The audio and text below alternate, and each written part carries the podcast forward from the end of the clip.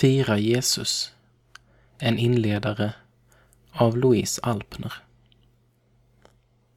Godis. Påskkärringar. Släkten. Kycklingar. Också Jesus förstås. Där har du mina associationer kring påsken. Hur blev det egentligen så?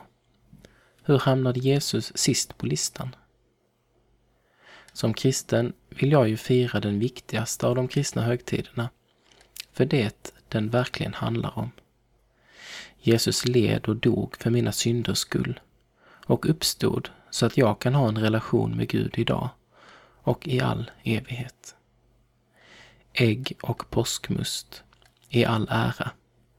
Men i påskens händelser har vi något som slår allt annat.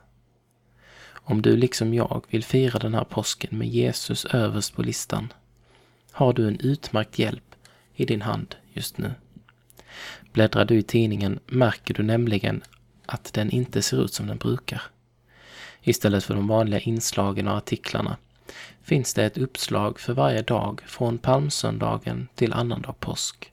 Just det, även måndagen, tisdagen och onsdagen, som inte brukar få så mycket uppmärksamhet, får du möjlighet att fira.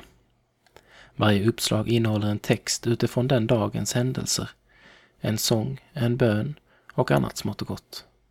Det är som upplagt för en daglig påskandakt som hjälper dig att fira påsken, för det den verkligen är. Så ta chansen att låta stilla veckan bli just en stilla vecka.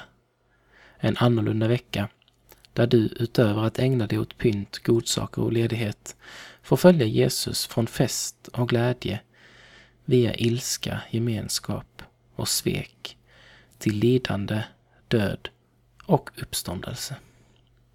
Det kallar jag att fira påsk. Bön. Jesus, den här påsken vill jag fira med dig.